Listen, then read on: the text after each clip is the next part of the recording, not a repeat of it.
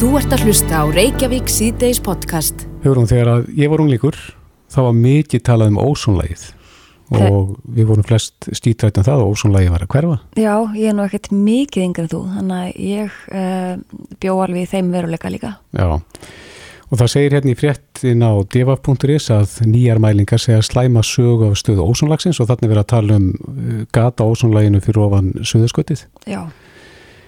En uh, maður hefur ekki hirt talað um ósónlægið í eitthvað tíma. Nei, nefnilega ekki og þannig kannski bara góðu tíma til að rifja þess upp uh, þá fræði. Mm -hmm.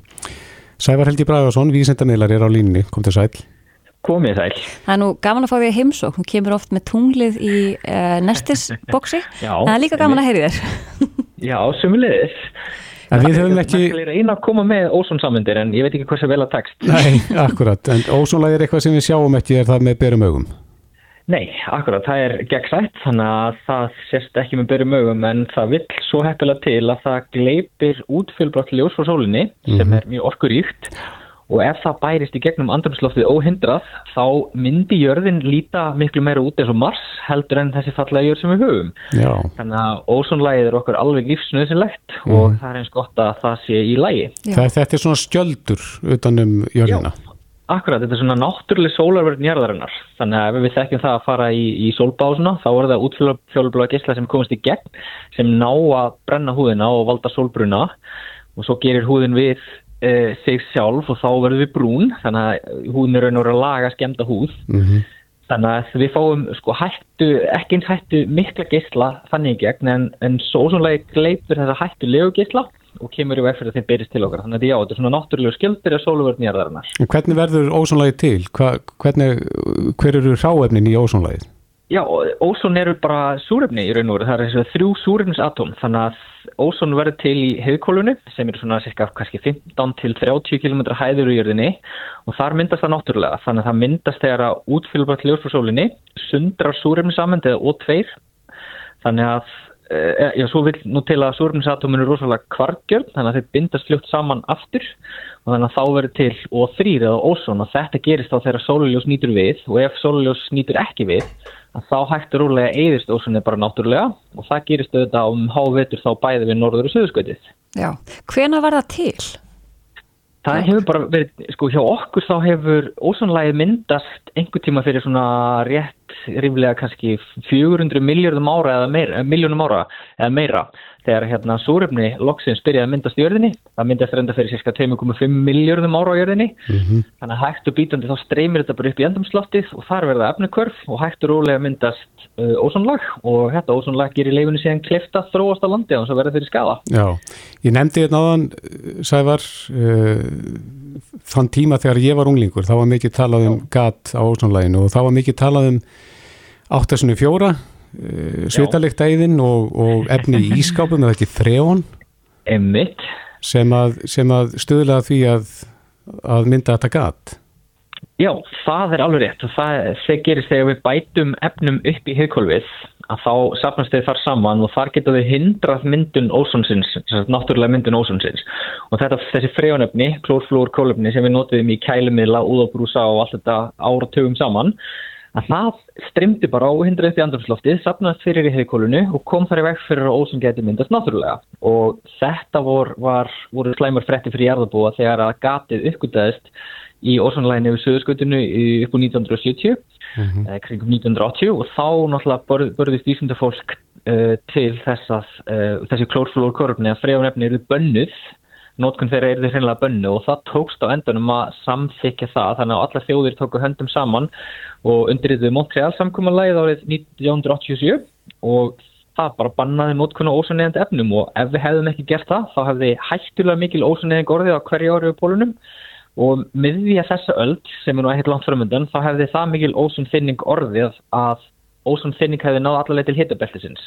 Þannig að langt upp að bara náðast upp á miðbögg mm. og þetta hefði haft mjög slæm áhrif bæði á húðun okkar en líka bara á plöndur og lífið í hafinu svo frammeðis og uh, vísindamenn hafa reyndar líka fundið út að þetta bann hefur komið vekk fyrir að minnst okkur til 2 miljónir uh, auka krabbamennstilvika þannig raun og veru búin að bjarga að til 2 miljónum manna frá húðkrabbamenni bara með þessu sko. Mm -hmm. Já Þannig að þetta er einhver svona besti samningur og eitt besta dæmi um alþjóðsamfunni í umhverfismálum sem gert, gerð hefur verið mm. og já.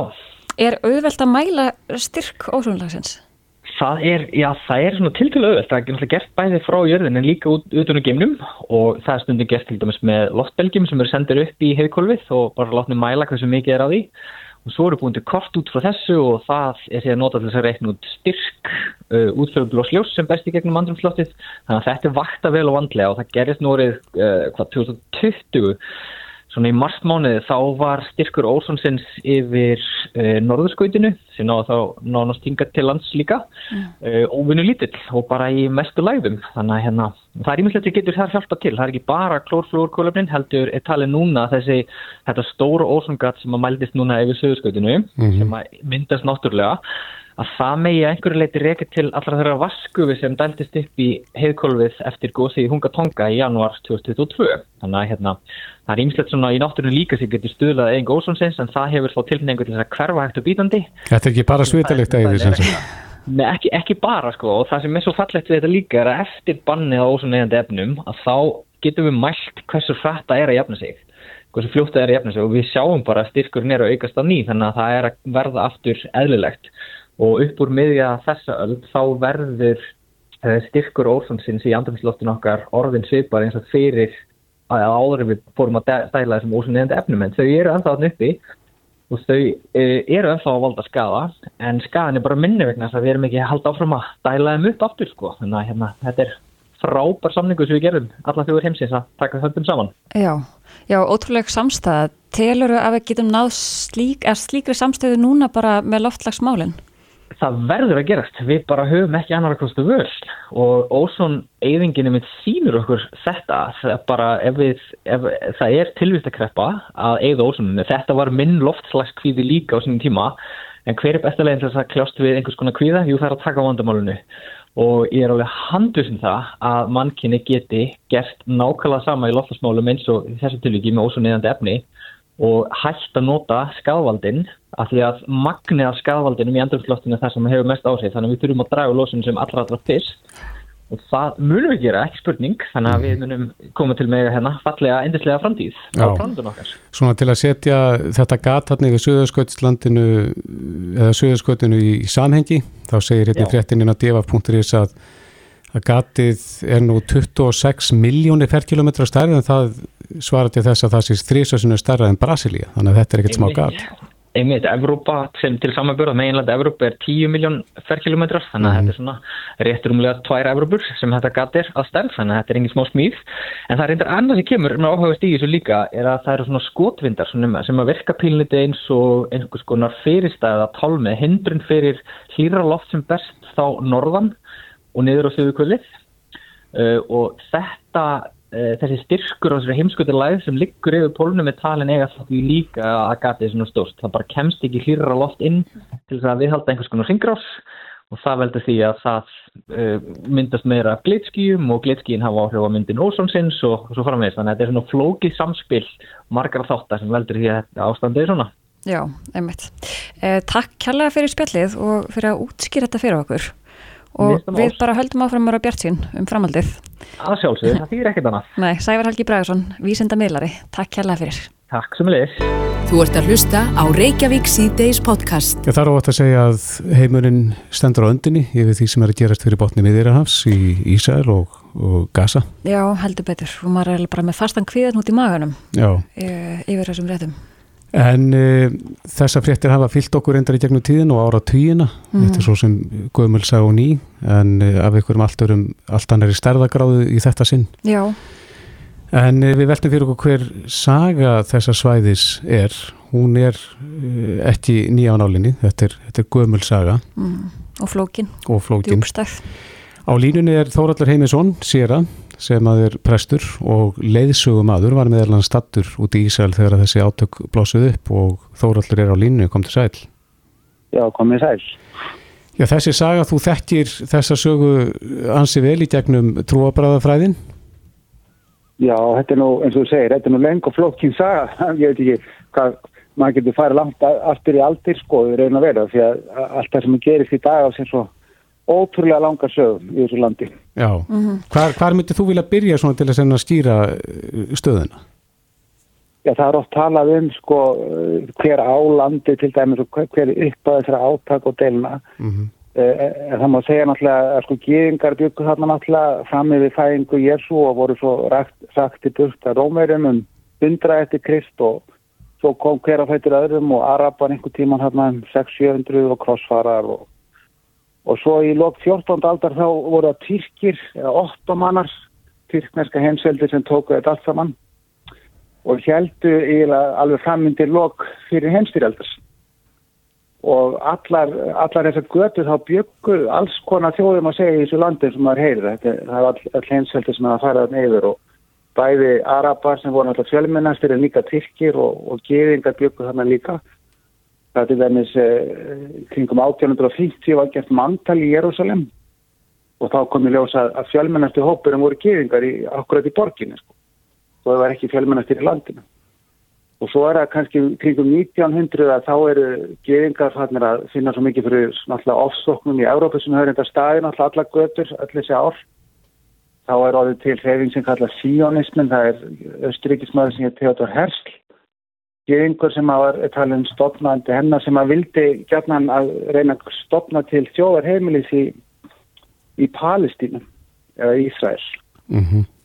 og það er svo eftir fyrir heimsturöldan þegar breytar er búin að taka þetta svæði sko að þeir gefa út yfirlýsingu sem kallast Balfort yfirlýsingin um að þarna er reyna að stopna til sem þetta tvekja ríkja annars vegar ríkja Araba ríkis Araba og hins vegar Palestínu Nei, Ísraela segir Já En þetta er ekki stórt svæði og, og þarna er náttúrulega tvær óvinna þjóði sem að búa í rauninni í, í sama landinu og það, það mingar alltaf það landsvæði sem að tilherir palestinumönnum. Já, en í, raun og veru þá var þetta uppálega ekki tvö land heldur, þetta var, var sem bara eitt landsvæði sem að Tyrkinni réði yfir en það má segja alla sko framöndi síðan hensturöldina þá eru geðingar að flytja þarna inn en, en byggur þar áður líka og og það er reyðilega breyta sem er að halda þessu saman og það eru átök alveg sko allan fyrirluta 19. aldars og 20. aldars um þetta svæði mm. og svo er það eftir síðan heimstyrjöldin eftir náttúrulega geðing ásokninnar og, og allt það sem við þekkjum að, að þá uh, sem sagt gefa saminuð þjóðunar og yfirlýsingum að um að eiga stopna til tveggja ríkja sem sagt annars er ríkis þá Araba og hins vegar ríkis Ísraelsmann eða geðing og þess vegna er Ísraels ekki stopnað 48 mm og landin er umvel að skipt og, og síðan má segja strax þá réðust allar Arabasjóðunar hérna í kringi Egiptar og Jóðanir og síðletningar á, á Ísraelsvíki og það var gert að nokkru sinnum í gegnum árin síðan og, og Ísraelsmenn hafa alltaf unnið og landið þar með stækkað í raun og veru. Mm -hmm. hafa... Og millum að segja hafa Palestínu Araban einhvern veginn takist og, og takist kannski bæðundan þá síguvegurum í þessum styrjöldum sem er Ísraelsmenn en en raunverulega líka þessum Arabasjóður sem hafa verið að ráðast á Ísrael og sem þær er ekki til að til dæmis gefa þeim með réttindi Jórdanir lögundi sem heitir Vestubakkin á tíðanbili og, og alltaf hafa sko palestinum en einhvern veginn lengt á milli. Mm -hmm. En er ekki nokkuð ljóst að sko hvorugur hópurinn er að fara að yfirgefa þetta svæði þannig að það þarf að finna ykkur löst til þess að þessar þjóði geti lifaðni sátt og samlendi? Jú, og svo náttúrulega, sko, eins og þú heyrir á aðrið fyrir sögu sem ég, veila rámsi upp úr mér að, að, að, sko, svo náttúrulega vex hattur manna í milli, menna, þú veist, þú drafst af að minn og ég draf pappa þinn og, og skilur þetta hattur er byggst upp og, og því niður þá hafa náttúrulega átökið verið þannig undan þarinn 20 ára að það er úrslufulega erfitt einhvern veginn að að finna svarið hvernig það var leysað menn hafa reynd fríðarsamninga og Ísraels ríki hefur nú samið við bæði Egipta og, og Jordani til dæmis og, og reynda Tyrkja og fleiri mm -hmm. en, en þessi samningar hafi ekki, hafi ekki staðist og, og þess vegna er deilan haldið áfram þannig að þessi sæðilega atbyrgi gerast núna þessar, þessi hérna, árás hjá Hama sem að er náttúrulega svo hattisfull að, að hún eiginlega toppar allt sko. mm. Þú varst í Jérúsalemi með þetta bröstu út hvernig var andrumsloftið fyrir bara rétt áður? Já, þetta var, þetta var sko, ég var búin að vera hérna í, tíu daga með 50 manna hóp og ferðast um all landið og bæði löndi, bæði Palestínu og Ísrael og, og þetta var svona bara í einu orði svona dásamlegt, þetta var bara sorglegt að því að það var svo gott að vera þarna og allir svo elskulegir, það var svo mikið friður og kyrð og, og eins og kjáni fór ég að hugsa um þetta er kannski eitthvað að lagast og ég var að tala bæðið Araba og, og Ísraelsmenn og með voru að náttúrulega tala um þetta með Netanyahu og Hæstaréttar yfir og það en, en það væri nú verið að reyna að finna kannski samstagsleiðir og, og ég kom þarna inn til Palestín og margir voru að fannir að vinna í Ísrael og og svona maður held kannski að þetta væri nú kannski bara einhvern veginn að batna en svo kom þetta svona algjörlega svo mm frum og heimstýr lofti. En þegar þú segist að fara til Palestínu, var það Gaza svæðið eða Vesturbakkin? Nei, það, og það er nefnilega enn eitt hlut á deilina Gaza og Vesturbakkin sem við kallum Palestínu bæðið tvö eru sko stjórna algjörlega sitt hvorm hóknum. Það sem er fatarhefingin í Vestubakkanum eins og hann heiti, Vestamegin sem, sem er Jordani réði yfir til 1967 mm -hmm. og, og þeir sem þess að fröktust undan Hamas frá Gaza í kringu 2007-2008 þá, þá eila breyst út borgarastýril þar og, og Hamas hreyfingin sem er auðgafull síja muslins hreyfingur en það eru sagti fata frá þannig að að Palestínum er algjörlega klopnir í tvent en það hefur Palestína sem stjórnin ekki tekið undir þessar árásið hamasmanna sko núna. Nei. En þú sem að hefur nú kynnt þér söguna, sér þú einhverja lausna á þessari deilu í sjónmáli? Því miður ekki, ég, ég sé ekki laust, ég get ekki komið með sko núna eftir, eftir alltaf eina lausnin sem að kemur vonandi einhver tíman að menn hætti þessum, þessum átökum og setjast niður og reyna að semja einu sinni en þetta var reyna það oft mm. en, en það er ég get ekki sér meður ég vil óska þess að ég hef einhverja lausn en, en ég sé ekki núna hvað hva lausni væri ennur en, en einu sinna reyna, reyna að setjast niður og, og senja og einhverju sterkar aðalega getur knúið báða aðalega til en núna alltaf reyðin svo mikil eins og út í Hamas og svo náttúrulega þessi, þessi sprengi ára á á, borgara í, í gasasæðinu sem valda því að ég held að þetta er rosalega erfitt að fá þess aðalega til þess að setjast niður og ræða saman. Já, þannig að þeir sem uh, eru við völd núna, þú sér þá ekki fyrir þér setjast við sama borð og ræða um frið. Já, þið getur bara, bara ímyndað það, sko, það sem er gert síðastu vikuna, sko, þetta voru svona sittilegar árásir á, á sko, börn og unglinga og gamalmenni í Ísrael og ég held að Ísraelsnes er ekki tilbúin að ræða við Hamas og svo náttúrulega loftárásir Ísraels manna núna á Gaza, ég hefast um að gasabúa séu mikið til viðtal þannig að ég sé ekki alveg hvernig ná að fá fólk til að ámyndla að setjast neður sko. Nei, en þú þekki það náttúrulega líka svona í gegnum uh, þín störfi kringum þetta að, að þetta skiptir heimsbyðin í tvær fylkingar og þetta er, mm. þetta er svolítið hatrum umræð um þetta fyrir utan þetta svæði bara, við tökum bara hérna Evrópu og bara Ísland sem dæmi.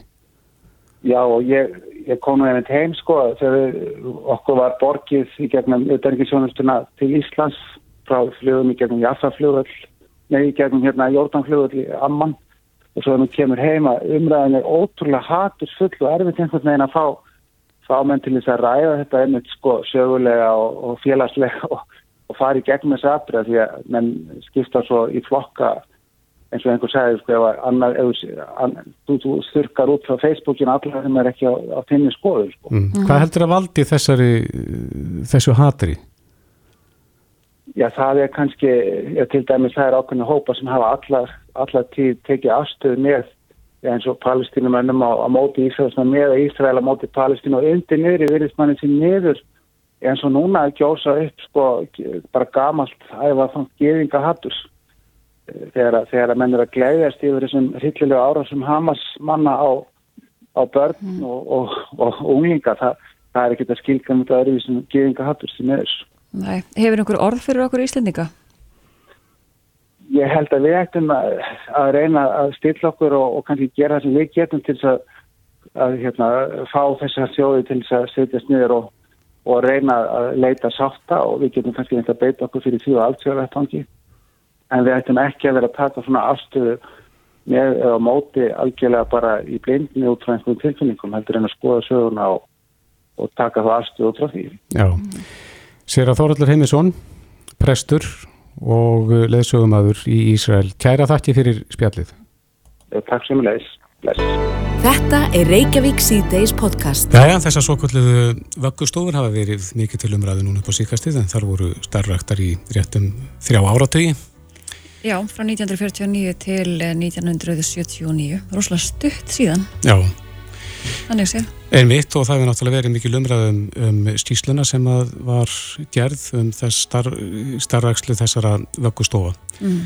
En það er grein sem er að finna inn á vísi.is með fyrirsögninni er ekki allt komið í lag núna sem hefur vætið miklu aðteglu og er eins og mest lesna inn á vísi. Já og það er Sæjón Kjartansdóttir uh, ekki sálfræðingur. Sálgreinir. Sálgreinir sem er komið til okkar, verður velkomin. Eða, Þú segir í greininniðinni að eh, skýslan sé hlollvekjandi lesning Já, ég held að allir sem að setja sig inn í hvort sem þeir lesa skýslunni eða hlusta á frásagnir þeirra sem voru á vekkustofunum að þeir átti sá því að þetta, var, þetta er hlollvekjandi og eins og þú bentir á þetta er eins og stutt síðan. Það mætti haldið þetta væri aftur í grári fornisku en svo er ekki. Og það sem að mér er slíka svolítið alvarlegt er að við getum ekki einu sinni, og ég segi við, þá menna ég við þessi samfélag, við getum ekki einu sinni skilt okkar bak við fáfræði.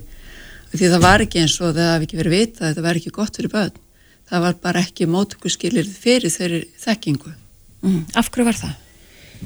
Já, það er mjög góð spurning þetta var nú þeir sem að lesa skýstun og líka það sem að Náttúr Kristjáns hefur uh, skrifað um þetta sakfræðingur sem er nú einna vöggustofu börnunum að þetta var gert mjög politist og þeir sem að bentu á rannsóknir og, og vittnesku sem að gekk í berhög við hvernig þessar vöggustofur er reknar, þeir voru gerðið tortryggilegir og, og þetta sagt stjórnasta pólitík. Það er auðvitað erfitt að skilja hverju fólk hefur haldið að þetta geti verið góð hugmynd fyrir börn. En ég, einast ég, sko þetta var ekki meira svo spítalar heldur en eins og heimili og megin áherslu lögður hreinlæti og eflust hefur þetta verið einfaldara í framkvæmt með þessum hætti og kannski ódýrara, ég menna það er auðvitað ódýrara að sinna ekki börnum mm. að gefa þeim bara borða og, og ég menna þegar ekki einu sinni, það er ekki einu sinni hægt að tala um að grunnþörfunum hafi verið synd þegar maður bara haldið á lífi Og sem sálgrannir, og lesti ég þetta, hversu miklu um, máli skiptir hvernig við hugum að börnunum okkar á fyrstu árunum? Það skiptir bara öllu máli. Það, það er grundvöldunum lagður að sjálfsmyndinni, að heiladróskanum, að helsunni og það segir sér bara sjálf hversu miklu helsutjónið stofabötnin hafa orðið fyrir og hvað þau hafa lifað skemur heldur en aðrir jafnaldrið þeirra sem að kemur skýrt fram í skýslunni. Já, þetta kom við kannski ekki það óvart. Nei, það kom mér ekkert óvart en, en auðvitað er þetta samt sjokkerandi bara í hversin sem að maður í rauninni setur sig inn í þetta að sjá þetta svona svart á kvítu og ég menna eins og aðrir hafa bent á er í greininni að það voru fimm menn sem að hafði verið á ökkustofa sem fóru fram á þessa skýslu þetta er ekki sprottið upp úr samfélaginu þetta er, þessi skýsla er sprottin upp úr þjáningu þeirra, þeir fara fram á þetta og bara meðan skýsl, gerð skýsluna stendur þá falla tverðir að frá menn bara í blóma lífsins. Mm. Mm. En hvaða áhrif hefur það á börn að fá ekki þessa örfun og þessa hlýju og væntum þykju á, á þessum tíma? Sko ég veit ekki hvað ég á að byrja af því að það er mjög streytuvaldandi að vera lítið barn mm -hmm. og vera algjörlega hátur því að aðri lesi þarfir þínar og gleðist yfir þér og ef það gerist ekki þá, þá upplifir mjög mjög streytu sem þú getur ekki komist yfir upp á eigin spýtur. Það er nú eitt, þannig að þetta leggur svona og undirbyrja arðveginn fyrir sjúkleika, hvort sem það er tilfinningarlegu veikindi eða líkamleg. En það er líka til þess að börn uppvötu það að skjól og velíðan kemur frá annari mannesku sem er rosalega mikilvægt veganast inn í lífið. Þau þurfa að upplifa það fyrsta árin ef þau gera það ekki þá munir þau ekki leita á sama hátt í nánd við aðra manneskjur og aðra manneskjur eru okkar helsta uppspretta næringar og velíðunar. Mm. En getur maður unnið uh, á þessu, ef maður hefur orðið fyrir þessu í esku, bara setna á lífsleginni? Auðvitað það er alltaf hægt að vinna með allt, mm. en, en árangurinn er auðvitað misjafn og það er, ég menna sömur sem að til dæmis vissu ekkit af, þeir vissu ekki einu svona af þessari reynslu sinni, þannig að hvernig áttuðum að þetta að fara að vinna með þetta þannig að, en, en ég menna mannsheilin er sem betur fyrir þannig að hann breytist alla æfina, þannig að við getum alltaf unnið úr því sem við höfum uh, orðið fyrir en árangurinn auðvitað er misjafn mm. það segir sér bara sjálft Þú spyrði í greininni hvort að viðhorfin hafi eitthvað breyst síðan að þessar stóður voru reknar? Já, við horfinn hafið þetta breyst upp á það að gera, við gerum ekki jafn hryllilega hluti í dag eins og að setja börnun á vöggustofur, mm -hmm. en ég held að það sem að er líkt í dag er að þekkingin um tengslaþör barna, hún á mjög erfitt uppdráttar og ég held að sé af því að, það er auðvitað margt, en eitt af því er að hún er mjög tímafreg, að tengjast barni, það er tímafregt, það er tilfinningarlega mjög krefjandi. Og í samfélagi sem að allt er á, á blúsandi ferð eins og hjá okkur. Og það sem að við metum samskipti ekkit sérstaklega mikil, þetta er svo mikið orðið rafrænt, allt gerist rosalega rætt, við, við, það er þessi líkamlega nálegð það að, að verja tíma saman, hanga saman og verki að gera neitt, það er ekki mjög mikil smetið í dag Nei. og það er það sem börn þurfa, þau þurfa tíma, þau þurfa þólimæði, þau reyna rosalega oft á og það er ekki bara það að þetta sé erfitt fyrir segjum foreldra að, að vera til staði fyrir þau þetta er líka ekki mjög mikið smetið svona almennt í samfélaginu mm. Þú hefði með spyrð uh, bara fyrirsöknun á pistinum er, er ekki allt komið í lag núna? Já, við viljum náttúrulega sko trúa því þegar við horfum að einhvern svona hrylling eins og vöggustöðnar, ég minna við erum í miklu betri málum núna. Mm. og það er alveg satt, við erum í miklu betri málum. En það er samt mjög margt sem að er alls ekki í lagi. Og það er í fyrsta leiðilíð nafna það er stöðningur við fóreldra í batningnafærli, ég hef nú unni við það nú undan fyrir 15 ár. Og það er auðvitað, það hefur heilmikið gerst en það þarf að gera mikið mikið betur og svo náttúrulega þetta sem er svo rópandi það er þetta með, með fæðingarólufið það er í eitt ár og hvað er fóreldra svo að gera? Myndur þú vilja lengja það? Ég vil lengja þau tvö ára, engin spurning það, það er bara svona lámark og það er mjög aðtillisvert að þegar kemur að börnum þá má aldrei kosta peninga. Það er eins og það er þessi hugmynd að, að, að börn eigi að kosta neitt og ég hugsa þetta sé arleif frá þeim tíma þegar auðvitað, börnum var sendt inn á heimilum mm -hmm. af konum fyrst og fremst og ég held að við séum ennþá svolítið markerið af þessari hugmynd að vinna sem konur vinna inn á heimilum, hún á ekki að kosta neitt. Mm -hmm. Hverju myndi það skila? Eh, ef að fæðingarólafi er því lengt um eitt ár í, Það í myndi tvö. náttúrulega draga úr þessari óvissu þessari hryllilu óvissu vil ég segja sem að fóröldra standa fram með fyrir að því að það er ekkert sem tök við að lokna fæðingarólafi mm -hmm. en, en flestir fóröldra þurfa og margir þeirra vilja líka vinna þannig að það myndi draga mjög mikið úr streitu fóröldra og, og búa börnum þá þá umgjörðu því að hefði aðgang að sínu aðal fólki helst fyrstu tvei árin En ég ætla alls ekki að vera svo einfeldingslega að segja að það muni leysa allan vanda. Það, það er bara grundvöldaratriði. En svo er tilfinningarlegi vandin sem er sá að, að tengja slilt batni, það er, það er engin hæðarleikur. Og það er mjög margt sem þarf að koma til. Það þarf að auka samfélagi kringum foreldra sem eru með lítil batni heima hjá sér. Mm. Hvernig gerum við það? Við, við þurfum að gera það marganhátt. Það getur verið mjög einmannalegt að vera heima allan dagi með lítið batni Þannig að við þurfum að búa til um þetta vettvang fyrir til að hittast, til að hafa gaman saman, til að fá fræðslu, að hittast með börnin sín. Veist, þetta sjáum við mjög viða í landunum í kringum okkur en, en hér þeir sem eru að reyna að gera þetta þeir að, að veiku mætti að, að sko í sjálfbáðvinnu að reyna að búa til vettvang eins og í fjölskyldulandi fyrir fóröldra. Mm. Mm. Nú hefur verið mikil umræða eftir pistil Þorgnins Stráinssonar um daginn þar sem er að tala um snjáltækin og áhrifin á börnin að börnin séu þannig að stjórna heima fyrir Hva, hvaða skoðan hefur á því? Ég veit náttúrulega ekki alveg hvað hann er að tala um þar en, en ég er náttúrulega auðvitað hef ég ágjör á snjáltækjunum mm -hmm. og símónum ég menna, í fyrsta lagi, ég menna fóreldrar eru fyrirmyndi barnana sinni hvernig þeir umgangast þessi tæki. Og snjáltæki getur aldrei róað barn. Það getur þakka neyri því. En barn sem að líður ítla og er réttur sími eða spjaltölva það kannski hættir að láta í sér heyra en streitan er enþá til staðar, það er ekkert tæki sem getur lagað hana, það verður alltaf verið annum manneski. Mm. En maður þá að íta börn kannski tilfengunum sínum niður frekari? Já, já, og þau læri ekki að þekkja þær, þau verða að fá að tjá þær við mannesku sem að þólir þær og sem speklar þær og, og kennir þeim að setja nafn á þær. Mm.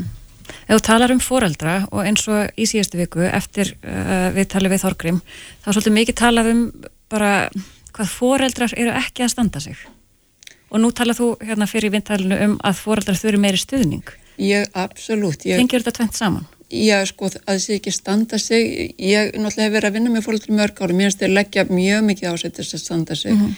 og ég held að ef þeir standa sig ekki þá er það ekki eins og einhvers að þeir nenniði ekki, auðvitað getur að virst þannig þegar þeir forgansrað einhver öðru, en ég held að sé vegna þess að þeim finnst þetta erfitt. Þeir eru ráðalösir, þeir skilja ekki batnið sitt, þeir veit ekki hvernig þeir eru að bregðast við, þeir upplifa sér lélega og ef maður upplifir sér lélega en einhverju þá er mjög fristand að fara að gera eitthvað annað. Er það eitthvað nýtt? Nei, ég held að það sé ekkert nýtt en ég held að sé miklu meiri ásókn í tíma fóreldra í dag úr ymsum áttum heldur en var til þannig þegar ég var hundt fóreldri. Mm -hmm. En það er eitt með vöggastofunar og það eru náttúrulega voru hryllilegar á sína tíma. Þú spyr líka í greininni hvað með leikskólana? Já, því það er, það er auðvitað, stundum hafa orð mín verið tólkuð þannig ég sé á móti í leikskólum, ég vil bara ítrykka ég er það ekki, en, en leikskólu og leikskólu er ekki það sama, þeir verða að vera vel mannaðir fólki. Af því það er fólkið sem að skiptir börnin máli. Og þau, ef þau er ekki á fólklunum sínum, þá þurfur þau að geta tengst öðru fólki, fólki sem er til staðar ekki sem kemur og fer. Fólk sem hefur skilning á þarfum og viðkvæmni batna og sem hefur getur til þess að bregðast við þeim að við þeim til hátt. Mm. Og við verðum bara að segja eins og er, það er mjög mikill misbrestur á þessu. Það hefur lengi vel ekki mátt segja upp átt annað en að íslenski leikskóla séu frábærir. Sumir eru það, en alls ekki allir. Mm. Á hvaða máta þá? Þeir eru náttúrulega alls ekki nóg vel mannaður. Ég held að sé fyrst og fremst það, það vantar mm. fagmentað fólk sem að fær viðkenningu við hæfi bæði í virðingu og í umbunni launum. Mm -hmm. Og aftur held ég að eimi eftir að þessu viðþorfi, sko vinna sem að konur hafa gert, það getur hver sem er gert hana. Það er ekkert máli hugsa um mhm. bad, það getur hver sem er passað bad. Finnst það ennþá vera viðlandi? Já, finnst það ennþá vera viðlandi. Mm -hmm. það, fólk kannski viðkennu það ekki, en það er mjög stutt í það viðþorf. Mm -hmm. Ef við streikum aðeins undir og... Uh, streikum undir þetta með vöggustofuna sem að þessi grein gengur, gengur út á. Hvað getur við lært af vöggustofumálinu? Við þurfum að læra um viðkvæmni batna og hvað þau eru ofbúslega þurfandi fyrir nánd og fyrir tengsl fyrstu árin og þar leggjum við grunninn að því að tengslu við foreldrana oftast, þeir eru náttúrulega, það eru þeir sem eru oftast í staðar allæfina þeirra eða svo lengi sem þeir eru á lífi þannig að það þarf að treysta þau bönd Og, en við þurfum að gera það með því að styðja fóröldra. Þeir þurfa stundu fræðslu, þeir þurfa oft tilfinningarlegan stuðning. Þegar þeir egnar spött þá, þá eru þeir settir í stöðu sem getur verið mjög krefjandi og erfið og eitthvað sem þeir sá alls ekki fyrir. Það getur engin ímynda sér hvernig þeir egnar spött. Mm. Ég held að það er bara rosalega góð og lóka orð. Sæjum Kjartansvóttir Salgrænir, takk hérlega fyrir spjallið. Takk sem er leiðis. Þetta er Reykjavík C-Days podcast. Já, Reykjavík síðdeis heldur áfram. Uh, Óttobir byrjaði með svolítið kulda. Mm -hmm. sem var hvít og nú er endar farið að hlýna aftur. Maður sér það á þessunni hérna aðeins fara að draga úr snjónum aftur. En já, Óttobir halnaður og það þýðir að átakið bleika slaufan. Mm. eða líka halna Já, þetta er bleikur mánuður, það er ótt að segja það. Og áhersla krabbameinsfélagsins er á krabbamein Kvenna Halla Þorvaldstóttir, frangotastjóri krabbameinsfélagsins er komið til okkar, velkomin Takk fyrir Já, hvernig gengur átækið ykkar mánuðurinn, hálnaður? Já, það gengur bara eh, alveg ótrúlega vel. Það er, eh, það er ekki hægt að neyta því. Það er náttúrulega með öllum þeim hörmungum sem að dinja á í, í samfélaginu þá fagnar fólk því mjög að geta sínt samstöðu sína í verki mm. og það er það sem við finnum alveg ótrúlega vel í bleikuslöfunni. Já, sínt samstöðu og sínt sér í bleikum lit.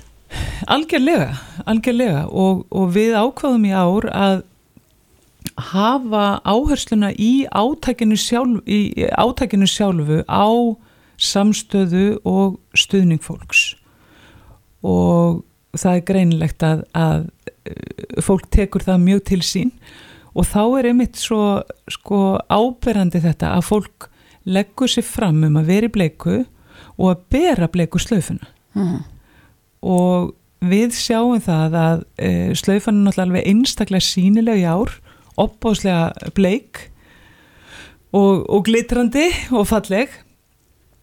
Og, e, og hún er miklu meira áberandi, til dæmis heldur en slaufan sem var í fyrra, mm.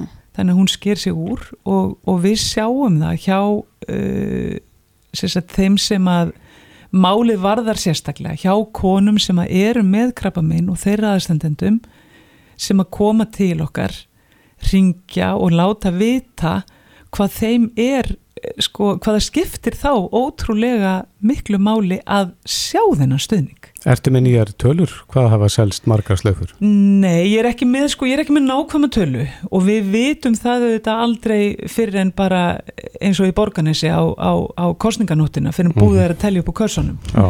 En staðan er svo að, að hérna, eh, hún er víða að verða uppseld.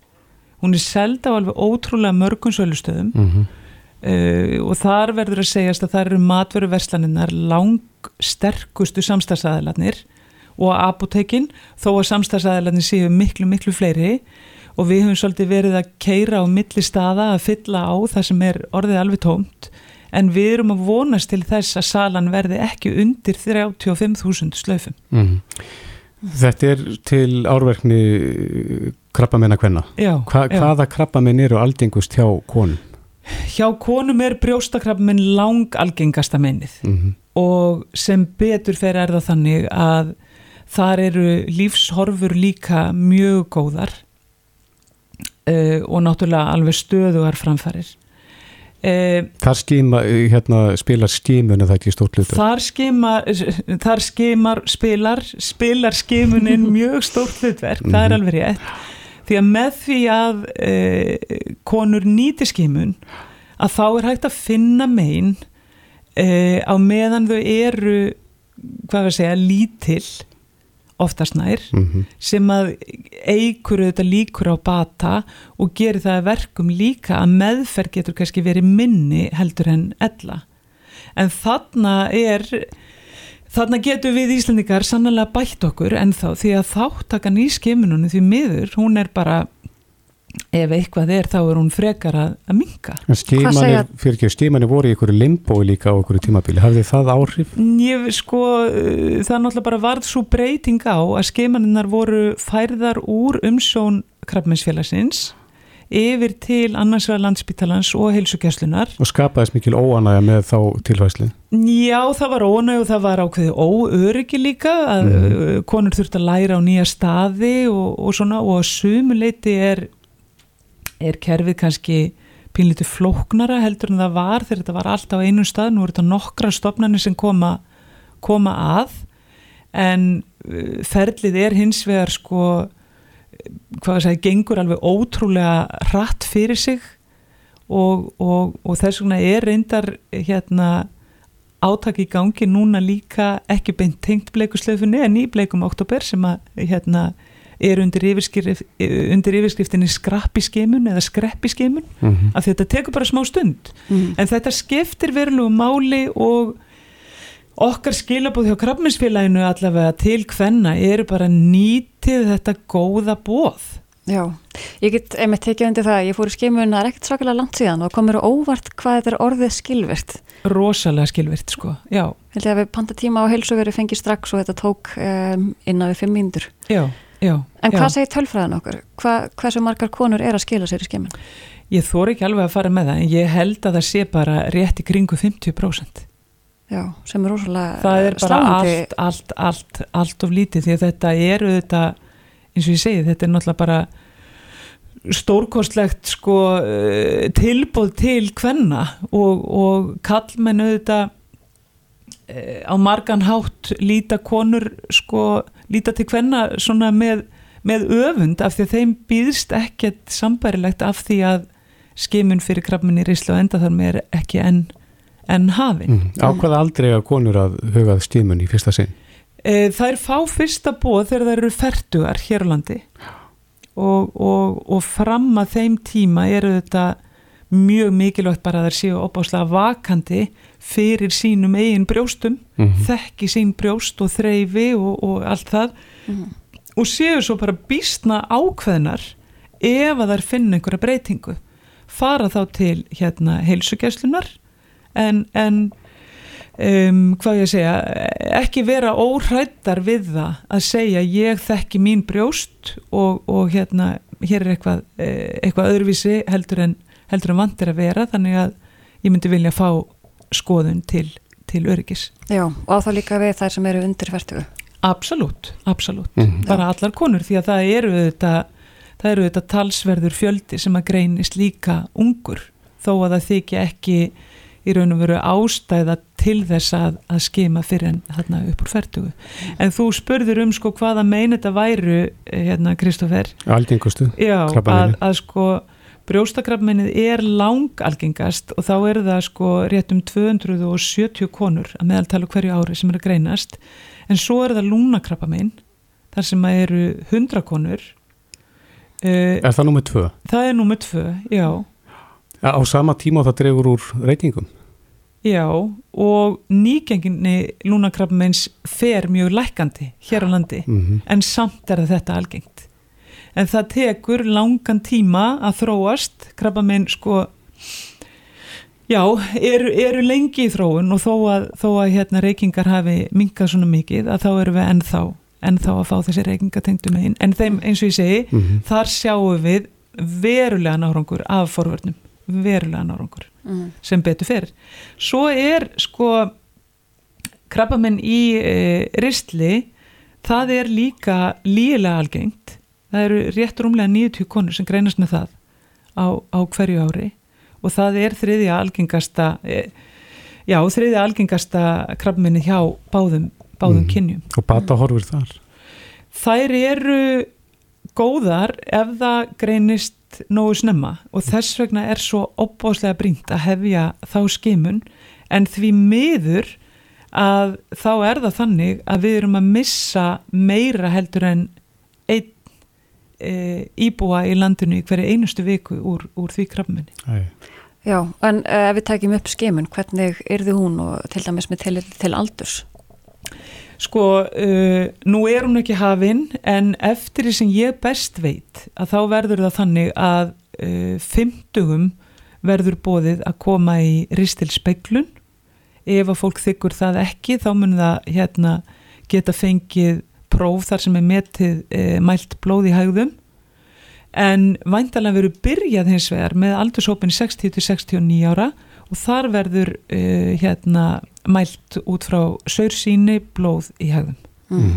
þannig að þetta verður svona aðeins mismunandi fyrirkomulag eftir aldri en, en þetta er bara þannig eru við eftir bátar hinn að Norðurlandana og verðum bara að fara að koma mm. þessu Er langt í þetta? Já, það er sko, þetta er verkefni sem búið að vera í sko umræðinu frá áramótum, nei frá aldamótum, ekki frá áramótum, heldur frá aldamótum og alltaf verður þetta alveg að gerast Ég sko uh, já, ég held að allt bendi til þess að þetta fari í ganga næsta ári mm. og, og þetta bara má ekki dragast lengur en það, mm. þetta er bara mjög brínt mál. Mm. Rétt aðeins í lógin að því að þessi mánuður er halnaður slaufan endi sölu er söfnunafjöð erðnavert í eitthvað sérstakt? Söfnunafjöð fer í sko fjölbreytt starf krabminsfélagsins og það eru þetta þannig með krabba minn að þetta er bara e, þannig stundu talað um óvinnin að það verða að þekkja óvinnin til þess að geta sko sigrast sigrast á honum. Og, og krabba minn er bara mjög uh, stórt verkefni sem að varðar okkur öll. Og við verðum að mæta því frá öllum hliðum við verðum að beita forvörnum og fræðslu. Við verðum að kenna fólki hvað getur dreyður áhættu og, og hvaða einkennum það þarf að vera vakandi fyrir. Við þurfum að sinna krabbamins rannsóknum hvort sem það eru grunnrannsóknir eða bara vita hvernig staða mála er hér á landi með að við önnu lönd með sagt, alls konar fjölbreyttu vísindastarfi. Og við þurfum auðvitað líka að tryggja það að enginn sé einn með krabbaminn þannig að við þurfum að hafa, það þarf að vera alveg á hreinu að fólk geti gengið að uh, ráðgjöf og stuðningi bæði fagfólks og sjálfbóðarlega og þetta, er, þetta eru þeir hvað við segja uh, þættir sem að söfnunafið rennur til. Stærstu hlutin fer til ráðgjafar og stuðnings svo er það vísindastarfið og svo forvarninnar mm. Já, við verðum að setja punktinn hér og hvetja náttúrulega sem flesta til að leggja þessu málefni sitt lið Halla Þóraldstóttir, frangotastjóri Krabbaminsfélagsins, takk fyrir komina Takk fyrir mig Reykjavík síðdeis á Bilginni podcast. Já, það er ótt að segja að það eru óhugnarlega fréttinnar sem berast frá miðausturlöndum.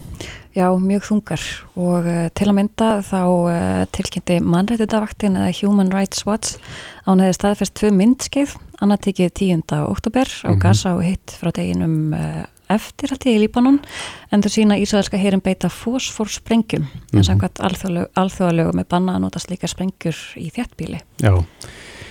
Á línunni er yfirmaður sprengjudeldar landelgistjæslunar Jónas Þorvaldsson, kom til sæl. Sæl. Já, við byrjum á því, hvaða sprengjur eru þessar fósfórsprengjur? Hvernig virka þær?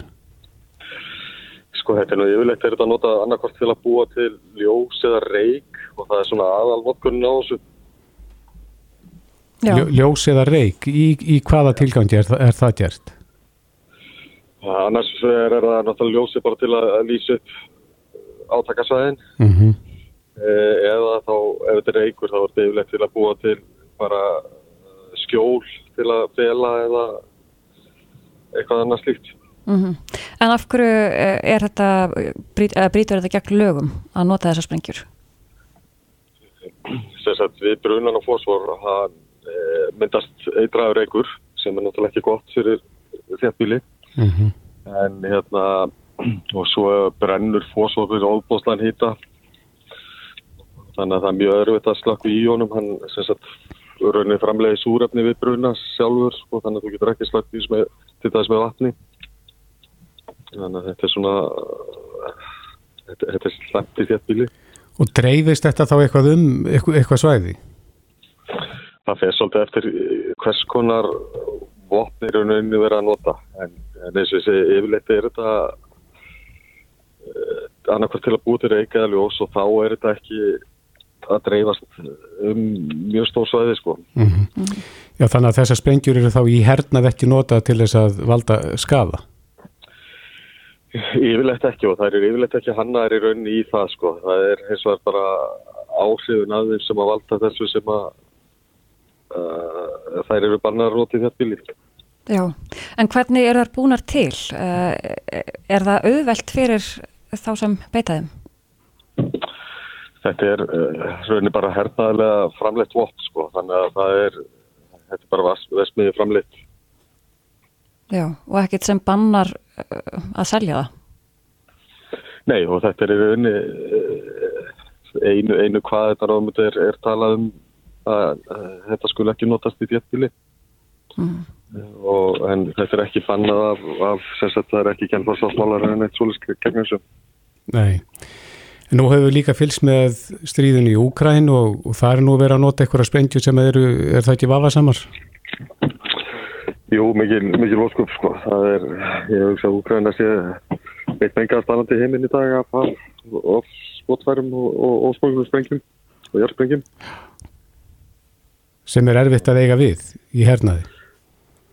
Ég er mjög og, og, og Úkræn er náttúrulega mjög stórt land og, og þannig að það er þetta er, þetta er alveg svakalegt magt sem við erum að tala um mm -hmm. Já, en um, með þessar fósfórsprengjur þar hafa eitthvað, verið notaðar uh, síðastu ára tugi ekki satt? Jú, jú, þetta hefur held ég bara nánast verið notað í öllum stríðum sko, síðan bara í, í setni heimstyrjöld Já. Og er vitað eitthvað um bara svona langvarandi áhrif ef þau hafa áhrif á fólk? Sko ef að fósfórin brennur þá svona nánast brennur hann allur upp sko, það verður lítið eftir á hann en hann brennur við óbúslan hitta og við séum þetta er, er aðalega sko ef þú hefur færðan á þig eða, eða lendir í reiknum sem að hann er skasa, sem að hann sko. En eins svona í tæknilega séð þá gegn fólki þá er þetta ekki mjög upplugt vott það er e, bara vennilega sprengjukúlur er mikið mikið upplugur á vott gegn mm. fólki sko. Þannig að þetta er svona þetta er ekki hanna í rauninni sem allan þessi vott sem við erum að nota þarna sem vott gegn fólki sko en þannig að maður svo sem veit ekki hvað hva gekk á þetta og hefur ekki fengið fréttir af því sko hvað í, í hvað er að nota þetta sko. En Jónas, hvernig fyrir svona mann eins og þig sprengjusérfrænga fylgjast með fréttum af stríðsátökum? Er, þú vantilega horfir á þetta með öðrum augum heldur en flestir? Jú, jú, sérstaklega þegar maður talar um, um þetta landsvæði þarna þá voru við sem sagt veitum tveimur árum í Líbanon sem sagt á við íslenska stjórnalda við sprengjureysun og þannig að þetta er svona þetta þetta slæsti mann alveg Já. Já, þannig að þú hefur reynslu af, af þessu svona stríðsátaka svæði var það leitað jarðsprengjum þá? Heyri, við vorum sérstætt, við fórum að um auðvitaðriksjáðneti sinns hérna á landískjæslan með sprengjusálherri til Líbanon að stóða saman í þannig þar mm -hmm. við reynstum eftir, eftir átökinn millir Líbanon og Ísæðismanna Hvernig fóðs úr hreinsum fram?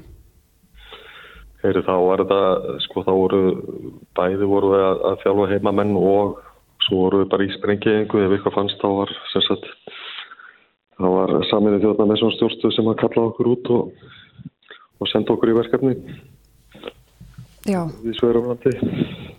En hver er staðan eins og núna? Er einhverju sprengju sérfræðingar þegar átökinn geisa eins og bara á þessum töluð orðum? Jú, jú, það er uh, náttúrulega vantalega ísæðismennir og náttúrulega með smengisafræðinga og þeir hafa mikið meira nóg að gera núna. Í sína vinnu. En að við hefum samanuðu þjóðana. Býður ykkur eitthvað verkefni? Nei, ekki svo ég viti til sko, en, en það er svo sem bara verður vantalega tekið nákvæmum það bara þegar að beðni kemur. Akkurat. Íslenska stjórnvalda. Einmitt, og þetta er náttúrulega alltaf mjög erfið mál. Jú, jú. Svona stríðs átök. Jónas Þorvaldsson, yfir maður sprengju deildar landildísjæslunar. Kæra þakki fyrir spjallið. Takk fyrir. Bless. Yes. Hlustaðu hvena sem er á Reykjavík C-Days podcast. Í kvöld verður þriðið þátturinn af hlýðalínunni ástöðu. Já, uh, þættin eru búin að vekja mikla aðtegli mm -hmm. og sér að lægi fyrsti þátturinn sem syngdi sko, hlýðar foreldra á hlýðalínunni eins og segir í uh, nafni þátturins. Stjórnu villisa. Já, einmitt, margir sem sá þessi í þeim spórum uh, en það er Lili Valgeri Pétursdóttir sem stýrir þáttunum og er komið til okkar sælublesu. Selvus. Þú ætti að segja okkur hérna áður við fórum í útsendingu að það hafa nokkrir foreldrar komið til þinn og, og viðurkendi með þessa, hvað maður að segja, hmm, hegðun. Það hafa margir gert það og líka margir kannski svona eftir að hafa horta þáttinn sem svona sáu sig í nýju ljósi. Fannst þeir rosalega uppbyggilegir og verið að standa sig vel en svona þegar horfaði á þetta þá svona föttuður er verið kannski ekki alveg mm -hmm. svona mjög hvetjandi foreldrar. Ekki bestu fyrirmyndirna? Nei, svolítið og þeir vart alltaf einhvern veginn að leipina barninu á nokkra sekundu fresti, þá ertu kannski ekki mjög uppbyggilegur og stiðjandi fóreldri. Nei, ég, af því að nú hef ég verið mikið á svona mótum og leitjum og stundum heyra börnin inn á vellinum meira í fóreldrum heldur en í þjálfaranu sínum. Það veit ekki eftir því. Já, mm -hmm. þetta er alveg algengt sko. Þannig að, þannig að orð þjálfarans koma stundum ekki til skila vegna háfaða úr á hlýðalinu. Og þau verður bara ruggluð, hvað ég að gera? Mamma Já. segir eitt og þjálfarinn annars. Já, sko. gefðu það mm. þennan og gefðu það hinn. Þetta er mjög algengt. Og hvað fjallar um í öðrum þætti? Þá fjallum við um meðsli. Þá fjallum við þegar börnum byrja meðast. Það eru um 70 krossbanda aðgerðar á börnum og ungmennum og hverju ári það eru umhverja börnin er að fá upp um beinbrot og glíma við alls konar meðsli og í kvöld fyrir við svolítið í aflegginga þannig að meðslunum. Mm. Fyrir um svona aðeins dýbra í þetta. Handla bæði getur haft áhrif til langs tíma með að sem barn.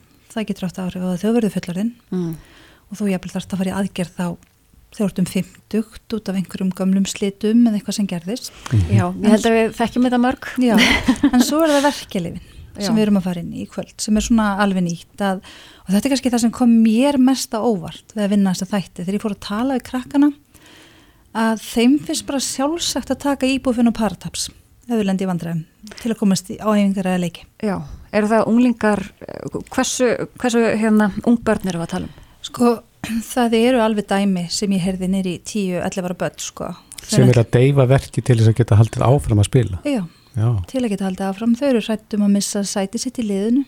Mm -hmm. Þau vilja ekki einhver taki fram úr sér, þau vilja komast að æfingar og þá farði ég þetta og við ræðum í kvöld við, alltaf þetta er svolítið flókið, þetta er alltaf börn þannig að við ræðum, ræðum í mörgu tilfellin við fullarði fólk sem var í þessum spórum, mm -hmm. af því að kannski er þetta að setja börnin í sér stöðu að ræða mikið um þetta en þarna rættum þetta enga síður líka við börn en svona dýbri við tölvi fullari fólk sem hefur verið aðna og það er meðal annars konar sem var í fimmleikum lengi vel og hérna hún bara eðilegis í magan fekk bara magabólkur eða taka svo mikið íbúfenn mm. hann að hún bara í mörg ár tók hún daglega íbúfenn til að komast á æfingar. Er, er einhverja íþróttagreina sem eru verri en aðra þegar það kemur að meðslum? Þannig að þjálfverðinir, nei, sjúkarþjálfverðinir töluð um það að sögðu náttúrulega þetta eru þess að svona það sem eru flestir, þú veist, fókbólti, fimmleikar en það er mm. rosa mikið álag verðist vera í fimmleikum, það eru langaræfingar mm. og þú veist, þetta er oft svona sömu stökkin aftur og aftur sjálf ekki verið í fimmleikum þannig að svona, þetta er bara það sem þau segja mér, þetta er svona ítrekkað og kannski, já mm. En Hugrun, þú þekkir nú svolítið vel fimmleika þjálfun.